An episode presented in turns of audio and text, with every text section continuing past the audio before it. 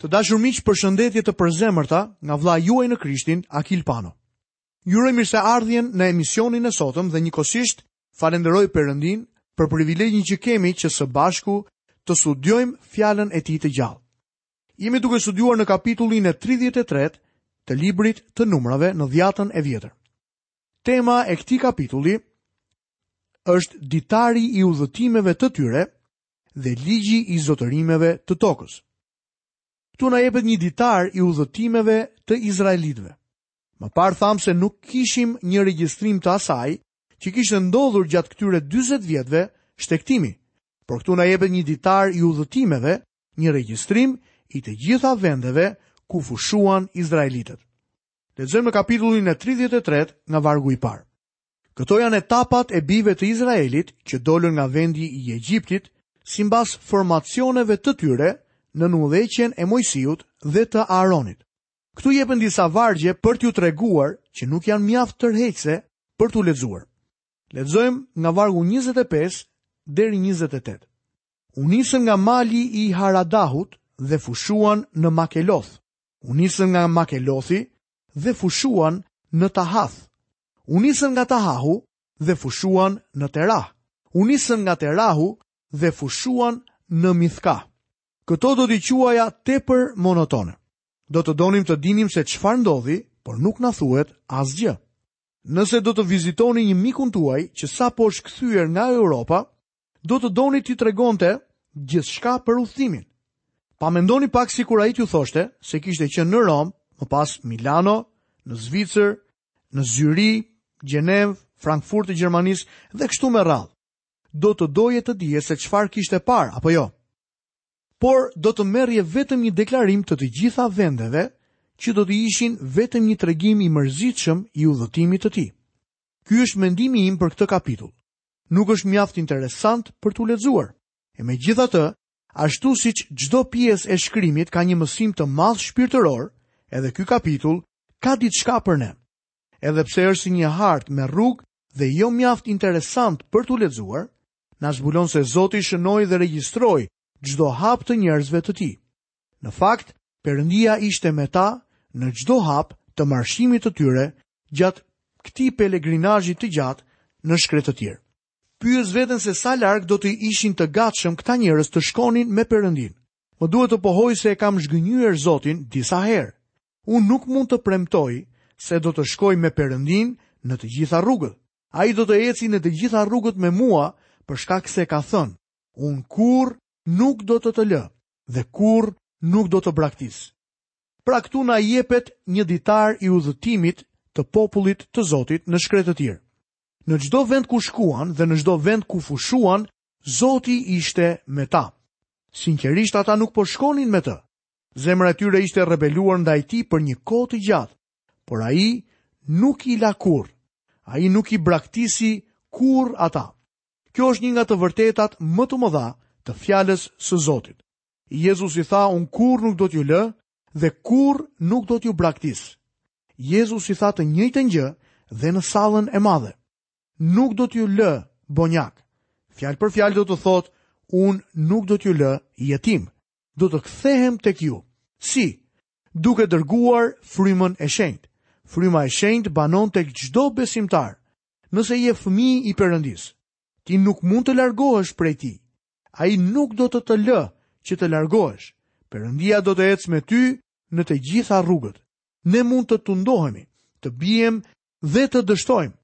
Nuk e ndjekim Perëndinë shpeshherë siç duhet, por lavdi Perëndisë që ai ecën me ne në çdo rrugë. Lexojmë më poshtë nga vargjet 51 deri 56 në kapitullin e 33 të librit të numrave.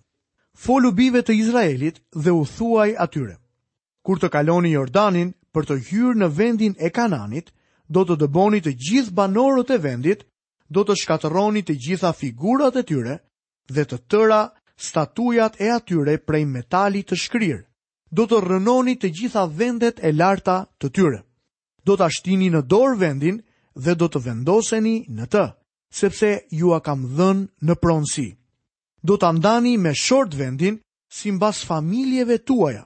Familjeve më të mëdha do t'u jepni një pjesë më të madhe dhe më të voglave një pjesë më të vogël. Secili do të marrë atë që do t'i bjerë me short. Ndarjet do të bëhen në bazë të fiseve të etërve tuaj. Por në rast se nuk i dëboni banorët e vendit, ata që do t'i lini do të jenë si hala në sy dhe do t'ju shqetësojnë në vendin që ju do të banoni. Dhe do të ndodhë që unë t'ju trajtoj ashtu siç kisha menduar t'i trajtoj ata. Këtu jepet diçka për të cilën shumë njerëz, sidomos skeptikët, ngrenë pyetje. Njerëzit mendojnë se është mjaft mizore dhe e padrejtë për Zotin t'i thotë Izraelit t'i zhdukë banorët nga vendi, kur në të njëjtën kohë edhe Izraeli kishte qenë i pabindur. Ata debatojnë për këtë çështje sepse njerëzit brenda në vend ishin aq të këndshëm saqë dëshira e Zotit për t'i nxjerrë jashtë është e paligjshme. Liberalët dhe skeptikët kanë folur kështu për vite të tëra. Në fakt, Sot ndodh që çdo liberal po jeton sot në një copë tokë që dikur i përkiste indianëve, por në fakt nuk i shoh që t'ua kthejnë pronësinë atyre. Do të doja të shikonim diçka së bashku. Zotit i përket toka dhe të gjitha gjërat që janë mbi të, bota dhe banorët e saj. Kjo tokë është toka e tij. Ai urdhëron se çfarë duhet bërë. Perëndia i tha Izraelit të shkonte në atë vend dhe të shkatërronte pikturat dhe idhujt e tyre. Arkeologët e ditëve të sotme po gërmojnë dhe po kërkojnë ende për to. Ato duhet të shkatërronin imazhet e tyre të shkrira. Ato duhet të rrëzonin vendet e tyre të larta. Këto ishin toka pagane ku zunë vend adhurimi i idhujve dhe praktikat e ndyra. Kananejtë ndodheshin në një gjendje mjaft të ulët shpirtërore. jo vetëm që idhujt e tyre ndodheshin shumë larg nga Zoti i vërtetë dhe i gjallë, por imoraliteti dhe mëkatet seksuale ishin një mënyrë jetese dhe një pjesë e adhurimit të tyre. Si rezultat, kananejtë u përpinë nga sëmundjet veneriane. Shoqëria jonë është shthurur, por përpiqet të zvogëlojë tmerrin e mëkateve seksuale. Në ditët e sotme, është përhapur një epidemi e sëmundjeve veneriane, një plagë dhe ky është një rrezik i madh. Ajo e ka dëmtuar rëndë racën njerëzore. Shohim që këta kananenj me sëmundje ngjitëse jetonin në udhëkryqin e botës. Ai vend është një nga vendet më të ndjeshme në tokë, madje edhe sot. Gjithmonë kështu ka qenë. Mendoj se kështu do të jetë gjithmonë. Ai është një vend strategjik dhe të gjitha ushtritë e botës kanë marshuar përmes tij. Të gjitha rrugët e tregtisë së botës kalojnë përmes atij vendi. Kananejtë kishin kontakte me një numër të madh njerëzish dhe ata po shpërndanin kudo sëmundjet e tyre të neveritshme. Kështu pra Zoti do të vendosë banorë të rinj në atë vend. Kananejtë po shkatërronin pronën e tij dhe po dëmtonin pjesën tjetër të njerëzimit, kështu që Perëndia do t'i nxjerrë jashtë vendit. Mos më thoni se Perëndia nuk ka të drejtë për ta bërë këtë. Në fakt, kjo është një vepër mëshire. Perëndia e shkatërroi tërë vendin e kananejve për hir të brezit të ardhshëm. Për të njëjtën arsye Perëndia dërgoi përmbytjen në kohën e Noeut. Ai donte të ruante brezat që do të vinin më pas. Miku im, mos e kritiko Perëndinë. Mos e gjyko atë dhe mendimet e tij, vendimet që ai ka marrë përgjatë historisë dhe veprat që ai ka bërë. Ne nuk mund të kuptojmë gjithçka që përfshihet në çdo situatë. Ne dimë mjaft mirë një gjë. Nuk kemi për të përjetuar paqe në këtë tokë derisa të vijë Princi i Paqes, Zoti Jezu Krisht. Deri në atë kohë, Zoti do të përdorë kombet për të gjykuar njëri-tjetrin. Tani ne do të vazhdojmë studimin tonë mbi dy kapitujt e fundit në librin e Numrave, kapitulli 34 dhe 36. Temat që do të shohim në këto kapituj janë këto. Kufijtë e vendit të premtuar, qytetet që u jepen levitëve, ligje në lidhje me trashëgimninë e vendit. Kufijtë e tokës së premtuar. Ky kapitull është i mrekullueshëm sepse shpjegon në terma të pagabueshëm shtrirjen e vendit që Zoti i dha Izraelit. Gjithashtu, nënvizon faktin që Zoti i dha tokën Izraelit për një zotërim të përjetshëm. Pavarësisht se kush pretendon se e ka atë, ajo tokë i përket Izraelit. Lexojmë në kapitullin 34, vargun e parë dhe të dytë. Zoti i foli akoma Moisiut duke i thënë: Urdhëro bijtë e Izraelit dhe u thuaj atyre: Kur do të hyni në vendin e Kanaanit, Ky është vendi që ju takon si trashëgimni, vendi i Kanaanit me këta kufij të veçantë. Ai jep kufirin jugor. Le të shohim në vargun e tretë. Kufiri juaj jugor do të fillojë në shkretëtirën e Cinit, gjatë kufirit të Edomit. Kështu kufiri juaj do të shtrihet nga skaji i detit të kripur në drejtim të lindjes. Pastaj ai përmend kufirin perëndimor. Lexojmë më poshtë vargun e 6. Kufiri juaj në perëndim do të jetë deti i madh. Ky do të jetë kufiri juaj perëndimor. Më pas Zoti u jep atyre kufirin verior. Lexojmë vargjet 7 deri 9. Ky do të jetë kufiri juaj verior. Duke u nisur nga deti i madh, do të caktoni kufirin tuaj deri në malin Hor. Nga mali Hor do të caktoni kufirin tuaj deri në hyrje të Hamathit. dhe skaji i kufirit do të jetë në Cedad. Kufiri do të vazhdojë pastaj deri në Zifron dhe do të mbarojë në Hatsar Enan, ky do të jetë kufiri juaj verior. Pastaj më poshtë shohim se si Perëndia u përcakton atyre kufirin e lindjes. Lexojmë vargjet 10 deri 12. Do ta vijëzoni kufirin tuaj lindor nga Hatsar Enani deri në Shefam.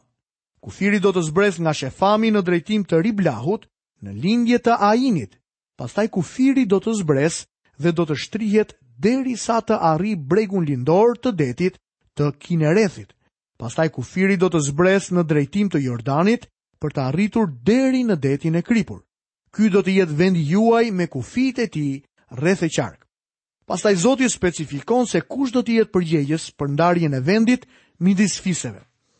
Lexojmë më poshtë vargjet 16 deri 18. Zoti foli akoma Mojsiut duke i thënë: Këta janë emrat e burrave që do të kryejnë ndarjen e vendit midis jush. Prifti Eleazar dhe Jozueu, biri i Nunit, do të merrni edhe një prijës nga çdo fis për të bërë ndarjen e vendit. Ai madje rendit me emra çdo prijës që do të ketë këtë përgjegjësi. Nuk do të doja t'i citoja këto vargje, sepse për ne sot është paksa monotone, por për Izraelin në atë ditë ishte mjaft e rëndësishme. Kapitulli mbyllet duke thënë, vargu i 29. Këta janë burrat të cilët Zoti i urdhëroi t'u jepnin trashëgiminë bijve të Izraelit në vendin e Kanaanit. Ashtu siç mësuam, levitët u morën nga bijtë e Izraelit në vend të të paralindurve. Çdo levit i përkiste Zotit. Atyre nuk iu dha një pjesë e vendit të Izraelit, por iu dhanë qytete për të jetuar në to. Lexojmë në kapitullin e 35 të librit të Numrave, nga vargu i parë deri në vargun e tretë. Zoti i foli akoma Mojsiut në fushat e Moabit, pranë Jordanit, në bregun përballë Jerikos dhe i tha: Urdhëroji bijtë e Izraelit që nga trashëgimia që do të zotërojnë, t'u japin levitëve disa qytete për të banuar. Do t'u jepni gjithashtu kullota rreth qyteteve. Dhe ata do të kenë qytete për të banuar, ndërsa kullotat do të shërbejnë për bagëtinë e tyre dhe për të gjitha kafshët e tyre. Zonat e periferisë ishin kullotat që iu rezervuan gjithashtu levitëve. Lexojmë vargun e 4. Kullotat e qyteteve që do t'u jepni levitëve do të shtrihen nga muret e qyteteve e tutje 1000 kubit rreth e qark. Nga 48 qytetet që iu caktuan levitëve, 6 prej tyre ishin planifikuar si qytete strehimi. Lexojmë vargjet 9 deri në vargun e 13. Pastaj Zoti i foli Mojsiut duke i thënë: Folu bijve të Izraelit dhe u thuaj atyre: Kur të kaloni Jordanin për të hyrë në vendin e Kananit, do të caktoni disa qytete që do të jenë për ju qytete strehimi, ku mund të ikë vrasësi që ka vrarë dikë pa dashje. Këto qytete do t'ju shërbejnë si vende strehimi kundër hakmarrësve që vrasësi të mos vritet para se të ketë dalë në gjyq përpara asamblesë. Nga qytetet që do të jepni, gjashtë do të jenë pra qytete strehimi. Levitët duhet të ndërtonin tre qytete të tilla në anën lindore të Jordanit dhe tre të tjera në anën perëndimore të tij. Një njeri që kishte vrarë pa dashje një person, do të strehohej në këto qytete. Kjo do ta shpëtonte atë nga veprimi i turmës, nga veprimet e disa njerëzve të përkushtuar ose nga të afërmit e personit të vrarë që në atë kohë mund të ishin emocionalisht të irrituar. Kjo mund të jepte kohë për një gjyq të drejtë më vonë. Lexojmë vargjet 24 dhe 25. Atëherë asambleja do të gjykojë midis atij që ka goditur dhe hakmarrësit të gjakut në bazë të këtyre rregullave. Asambleja do ta lirojë vrasësin nga dora e hakmarrësit të gjakut dhe do ta lejojë të shkojë në qytetin e strehimit ku kishte ikur dhe ai do të banojë atje derisa të vdesë kryeprifti që është vajosur me vaj të shenjtëruar. Gjithsesi vini re se mbrojtja në qytetet e strehimit nuk zbatohej për vrasësit me paramendim. Lexojmë poshtë vargun e 30. Në qoftë se dikush vret një person, vrasësi do të vritet në bazë të deponimit të dëshmitarëve, por nuk do të dënohet askush në bazë të deponimit të një dëshmitari të vetëm. Tani Perëndia jep arsyet për këto urdhërime. Lexojmë poshtë vargjet 33 dhe 34. Nuk do të ndotni vendin ku jetoni sepse gjaku ndot vendin. Nuk mund të bëhet asnjë shlyerje për vendin, për gjakun që është derdhur në të, veçse me anë të gjakut të atij që e ka derdhur. Nuk do të ndotni pra vendin ku banoni dhe në mes të të cilit banoj edhe unë, sepse unë jam Zoti që banon midis bijve të Izraelit. Le të shohim më poshtë ligjet në lidhje me trashëgiminë. Kryefamiljarët e djemve të Jozefit i paraqitën një problem Moisiut. Nëse vajzat e Celofehadit do të martoheshin me ndonjë burrë jashtë fisit të tyre, atëherë vendi i tyre do t'i kalonte një fisi tjetër. Kështu që Moisiu i thotë atyre fjalën e Zotit në lidhje me këtë çështje. Lexojmë Numrat kapitulli 36, vargjet 6 deri në vargun e 9. Kjo është ajo që Zoti urdhëron lidhur me bijat e Celofehadit. Ato mund të martohen me cilindo që u duket i përshtatshëm. Mjafton që të martohen në një familje që bën pjesë në fisin e etërve të tyre. Kështu trashëgimia e bijve të Izraelit nuk do të kalojë nga një fis në tjetrin, sepse çdo bir i Izraelit do të mbetet i lidhur me trashëgimninë e fisit të etërve të tij. Dhe çdo vajzë që zotëron një trashëgimni në një nga fiset e bijve të Izraelit, do të martohet me një burrë që i përket një familje të fisit të atit të saj. Kështu çdo bir i Izraelit do të ruajë trashëgimninë e etërve të tij. Në këtë mënyrë, asnjë trashëgimni nuk do të kalojë nga fisi në fis. Por secili fis i bijve të Izraelit do të mbetet i lidhur me trashëgimninë e tij. Toka duhet të qëndronte brenda fisit. Asnjë njeri nuk mund ta humbte zotërimin e tij përgjithnjë. Në vitin e jubileut, të gjitha zotërimet që ishin mbajtur peng do t'i ktheheshin sërish familjes që e kishte pasur. Kjo ishte një marrëveshje e mrekullueshme që realizoi Zoti për njerëzit e tij. Kështu Perëndia i mbrojti ata. Lexojmë vargun e 13. Këto janë urdhërimet dhe dekretet që Zoti u dha bijve të Izraelit me anë të Moisiut në fushat e Moabit pranë Jordanit në bregun përballë Jerikos. Me këtë varg mbyllet edhe tërë libri i numrave. Këtu mbyllet gjithashtu edhe shërbesa publike e Moisiut. Ligji i përtërirë do të vazhdojë me shërbesën private të Moisiut dhe ky kapitull na dha një paraqitje të shkurtër të jetës së njerëzve të Zotit gjatë kohës në shkretëtirë. Kjo kohë e karakterizuar nga dështime, rebelime, ankesa dhe lot siguron mësime të vlefshme për jetën tonë, ndërkohë që ecim në shkretëtirën e kësaj bote. Të dashur miq, ju falënderoj që keni qëndruar së bashku me mua përgjatë minutave të emisionit të sotëm në studimin e fjalës së Perëndisë. Nga vëllai juaj në Krishtin Akil Pano, paçi të gjitha bekimet e Zotit dhe paqen e tij supernatyrore në jetën tuaj.